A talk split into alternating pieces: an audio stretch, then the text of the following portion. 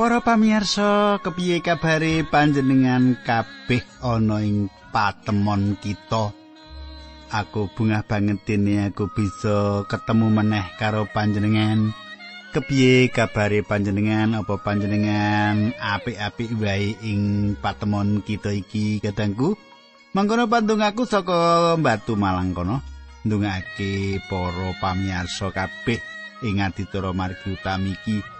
Supaya uripe tansah nemoni kabejan mengkono.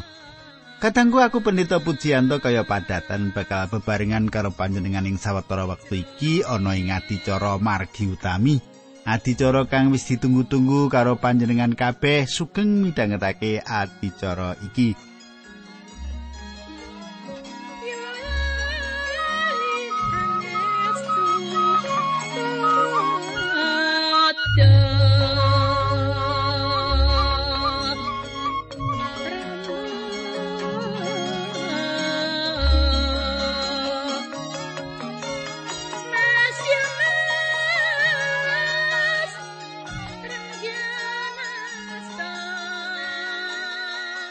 Katangku ing patemon kita kepungkur, kita wis nyemak kepiye Gusti paring paugeran-paugeran, paring hukum-hukum kang gampang ditindakake bangsa Israel.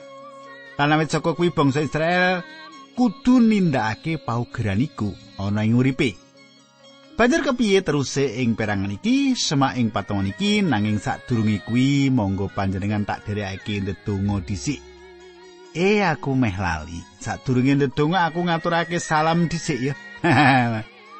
aku ngaturake salam marang Mbak Kristiana ya. Mbak Kristiana kepiye jare saiki sekolah teologi ya.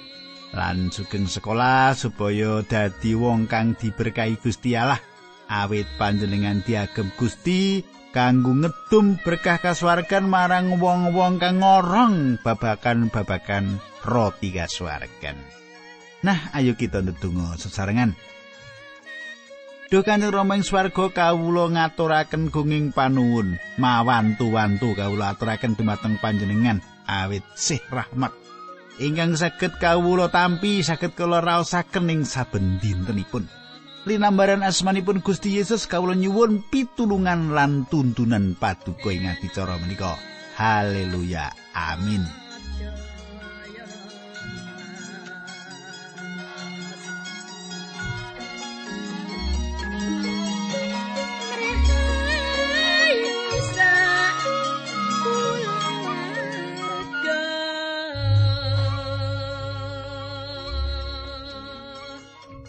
Katangku kang ndak tresnani saiki pasinaon kita wis ngancik ing kitab pangentasan bab rolikur. Kitab pangentasan bab rolikur. Ing sawijining dina ana wong kang takon mangkini. Apa to bedane antarane salah karo bener? Apa? Apa bedane? Katenggo gegayutan karo pitakonan kang kaya mengkono iku ana wong kang kandha menawa beneran salah. Beneran luput kuwi ora bisa diukur relatif. Nanging menawa kita nyemak apa kang dadi standar ukuran Allah, mula wis ngasilake apa kang ana ing tengahing masyarakat, yaiku kang ana gegayutane karo keadilan lan hukum. Yaiku kang ana gegayutane karo keadilan lan hukum. Conto paugeran utawa hukum hukum kang dipratelake ing kitab pangentasan selikur nganti patlikur. Sejatine ana gegayutane karo uriping manungsa kang paling dasar. Aku seneng karo pepakon kang meratelake aja mateni. Kanthi pepakon iku aku sak keluarga rumangsa ayem. Rumangsa aman, awet kaayoman. Nah, kitab suci ngendika aja nyolong. Nah, kanthi pepakon iku aku rumangsa bandaku kang ora akeh iku kaayoman. Banjur pepakon-pepakon liyan kuwi ngatur tatanan kang ana ing sakjroning masyarakat. Bab 22 ayat 1 ing kitab pangentasan mengkini surasani. Sing sapa nyolong sapi utawa wedhus gembel. Mongko banjur didol utawa disembelih kudu ngijoli. Sapi siji ijole sapi limo, dene wedhus gembel siji ijole papat. Kadangku. Nek panjenengan takon karo aku kok ngene iki kepiye Pak Puji? Aku ora bisa matur karo panjenengan apa sebabe wong kang nyolong sapi siji kudu ganti sapi limo lan kang nyolong wedhus siji kudu ganti wedhus papat. Nanging menawa kita nyemak apa kang ditindakake Sakius, mbok menawa nuladani perkara iki, iki sing dadi landesane. Coba panjenengan semak. Tak wacake Lukas 19 ayat 8 ya. Dadi panjenengan nek nggunakake kitab suci rada rada balik-balik rono rene ngono ya. Ora apa ya. Tapi nek panjenengan butuhake mesti dicatet. Angger aku omong ayat piro iku dicatet mengkono ya. Sakius tuli ngadeg sarta matur marang Gusti Yesus Gusti, Bondo kawula ingkang sepalih badhe kawula sedekahaken dhateng tiang miskin lan sinten kemawon ingkang nate kawula apusi bandanipun badhe kawula wangsulaken tikel sekawan. Kadangku coba panjenengan semak apa sebabe Sakius arep mbeleke tikel kaping papat. Bisa uga Sakius nglandhesi patrape mau karo pepakon musa iki. Saiki kita nyemak hukum kita ing jaman saiki. Hukum kita ana kang meratelake yen kita ngrusak bandane wong liya. Kita kudu ganti biaya kerusakan kuwi. Nek awake dhewe ngrusak bandane wong liya, kita kudu ganti biaya kerusakane. Apa kang dituntut masyarakat kita nalika panjenengan ngrusak barang darbeke wong liya, panjenengan kudu ganti. Apa kang panjenengan rusak utawa panjenengan kudu bayar sak rega karo barang-barang kang panjenengan rusak? Hukum ganti rugi saka Allah yaiku lipet kaping 4 nganti lipet kaping 5. Menawa kita ngerti akibat kang kita sangga awit anggon kita ngrusak, bayar kaping 5, lipet kaping 5, kita kudu ngati-ati. Mula kita bakal sak estu-estu tenan-tenan duwe pengati-hati supaya orang rusak barang liyan. Saiki ayat loro. Yen ana maling ing wayah bengi kacekel ing sajroning omah, banjur dipateni, sing mateni ora dihukum. Katanggu, sejatine hukum paugeran menehi hak marang panjenengan kanggo njogo badan panjenengan piyambak. Ing sawijining negara ana wong kang mlebu omah mbongkar isine omah. Wong liya nanging sing duwe omah ngonangi lan wong mau dibedil. Mbuh kepiye wong kang nyolong mau nuntut sing duwe omah menehi ganti rugi. Lan wungune perkara iki dadi urusan nganti tekan pengadilan sing duwe omah kalah kadangku. sing diomah karo pengadilan diluputake awet ora duwe hak kanggo mbedil wong kang nyolong mau. Kanggo ganti rugi, mula sing duwe omah kang dibongkar maling iki kudu ngedol kabeh barang darbeke supaya bisa mbayar denda. Lan sing jomplang wong kang nyolong mau ora nampa paukuman babar pisan. Ing jaman saiki wis berkembang. Milani wong salah alandesan hak ora salah.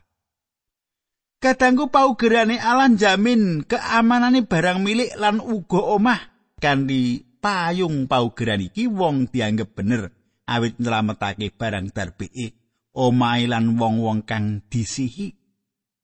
Paugerane ala sawijining prinsip-prinsip dasar kang menehi payung hukum lan uga tatanan marang masyarakat.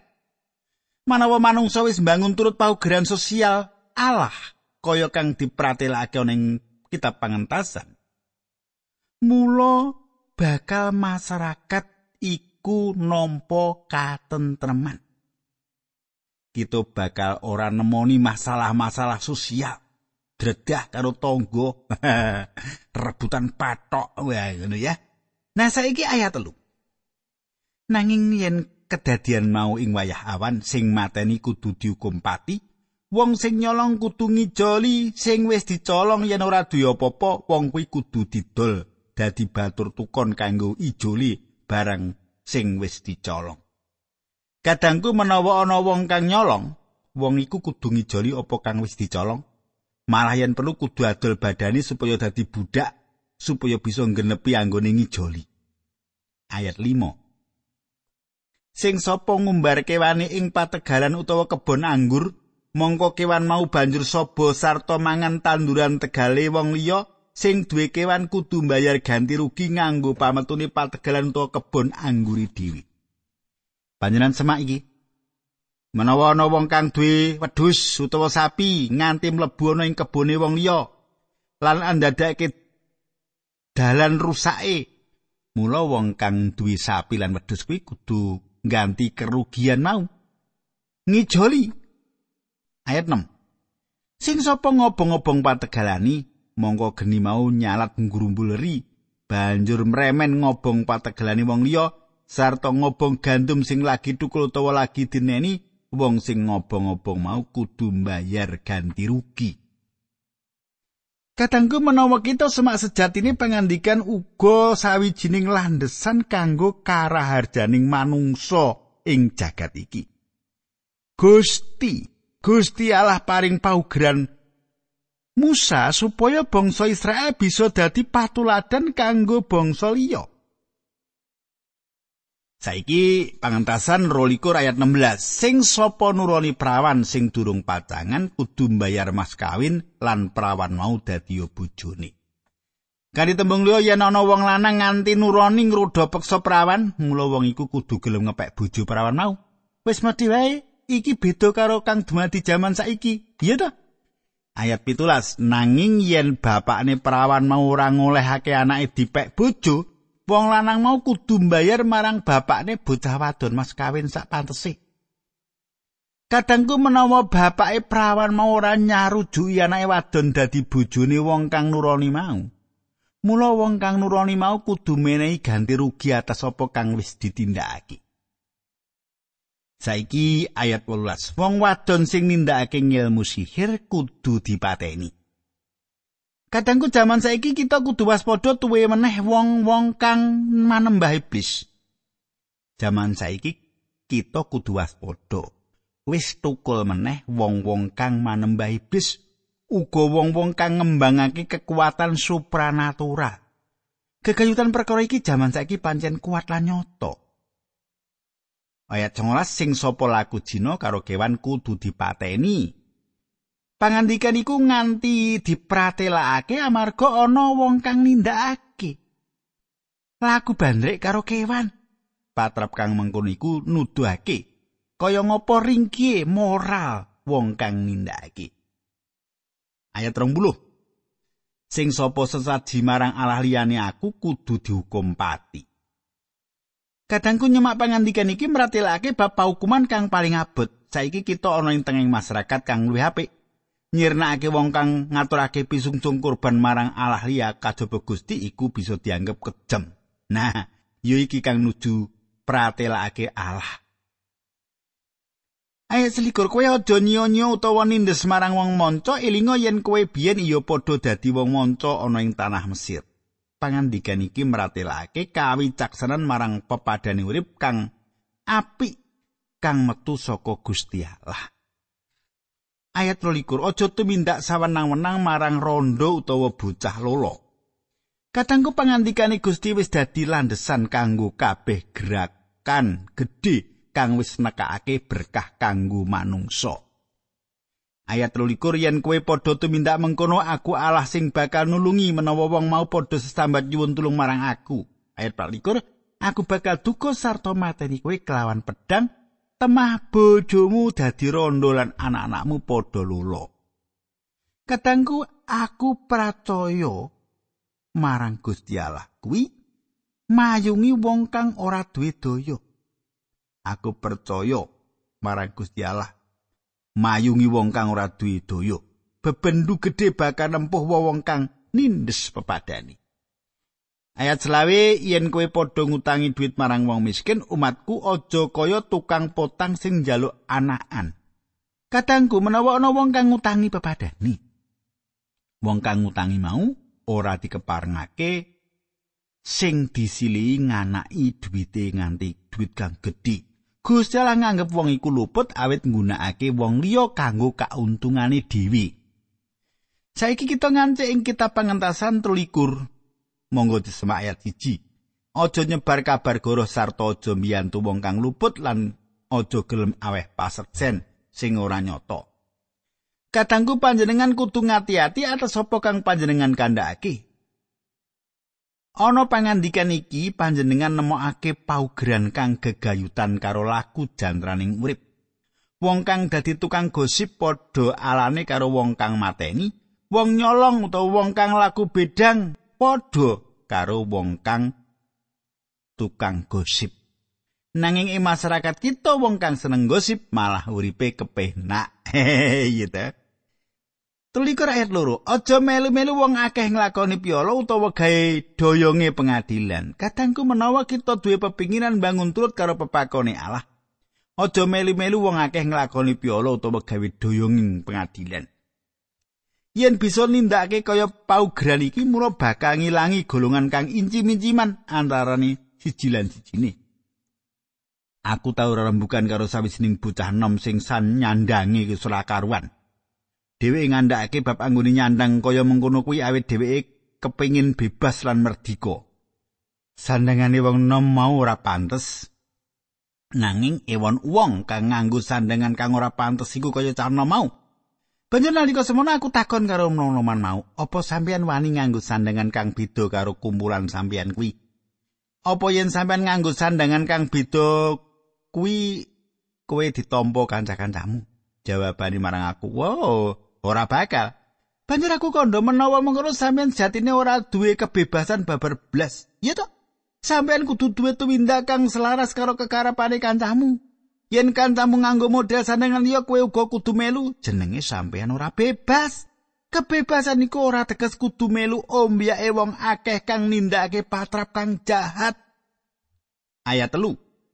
Ojo ngiloni wong miskin sing lagi diadili. Kadangku njejegake jejering adil ora kena ngiloni saka wong sugih marang wong kang marat.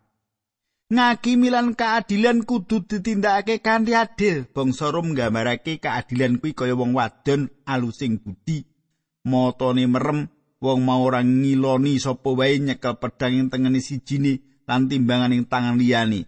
Pedhang ateges nalika ana penghakiman bakal ana wong kang dihukum.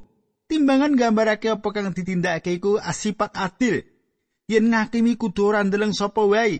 Sepisan maneh Gusti Allah paring marang Israel paugeran utawa hukum gegayutan karo dina sabat lan taun sabat.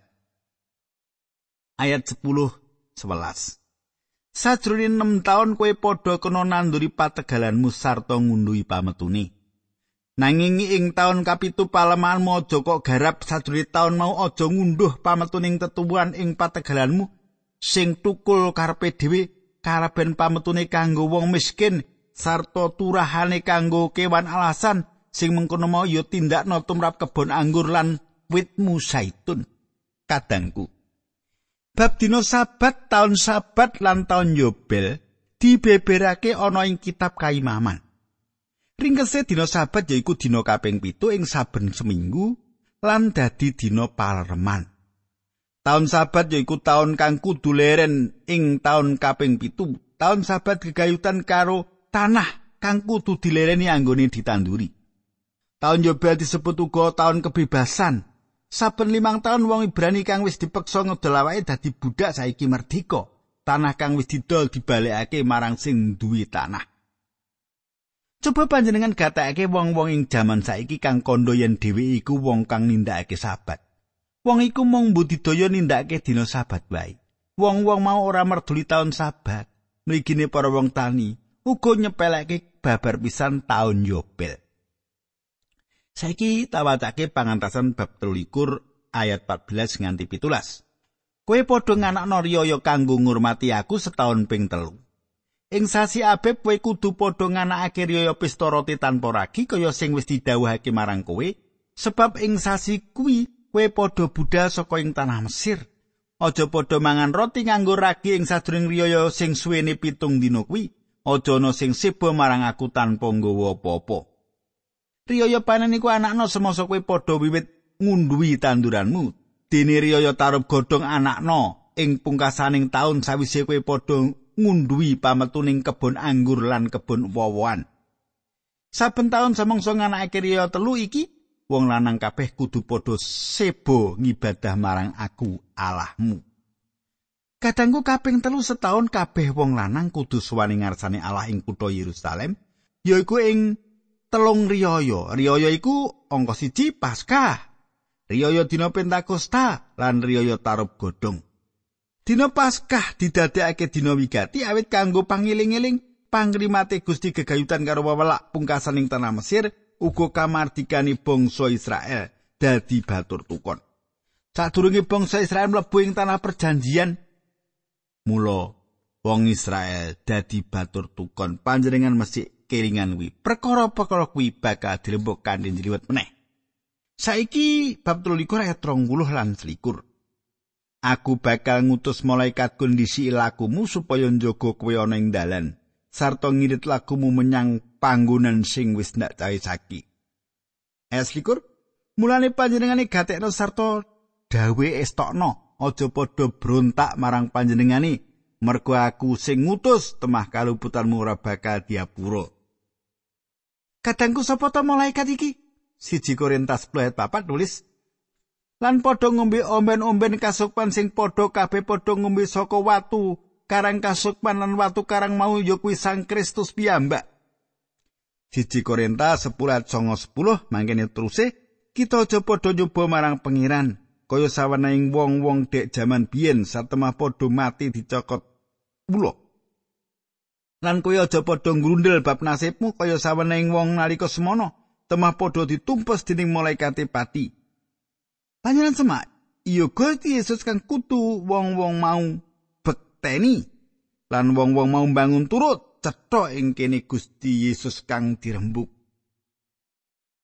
Ayat 23 lan 17. Malaikatku bakal ndisi lakumu sarta ngirit kowe menyang tanah wong Amori, Het, Feres, Kenaan, Hewi lan Yebus. Bangsa-bangsa mau bakal ndak tumpes. Bangsa-bangsa sing nglawan marang kowe bakal padha giris marang aku. para mungsuhmu bakal ndak gawe kisruh temah kabeh bakal padha mlayu ninggal kowe katangku Gusti Allah paring pangandika marang umat Israel Gusti kaguan rancangan mapanake umat mau ing tanah kanaan lan tanah mau bakal padha dadi darbi sebanjure Gusti Allah paring pangandikan marang wong-wong mau aja padha nganakake perjanjian karo wong-wong mau utawa karo Allah-Allah. Pangentasan bab 13 ayat 33 wong-wong mau aja padha oleh manggon ing tanahmu. Yen kok tokake wae wong-wong mau bakal njalari kowe padha gawe dosa marang aku. Yen kowe padha nyembah alalai kowe mesti bakal mati. Kadangku wong-wong Israel ora dikeparengake nganake perjanjian-perjanjian karo wong-wong kang ana ing tanah kono lan uga para dewani Yosua nindakake kaluputan awet dheweke nganake perjanjian karo wong Gibeon. Yosua ora naliti luwih dhisik.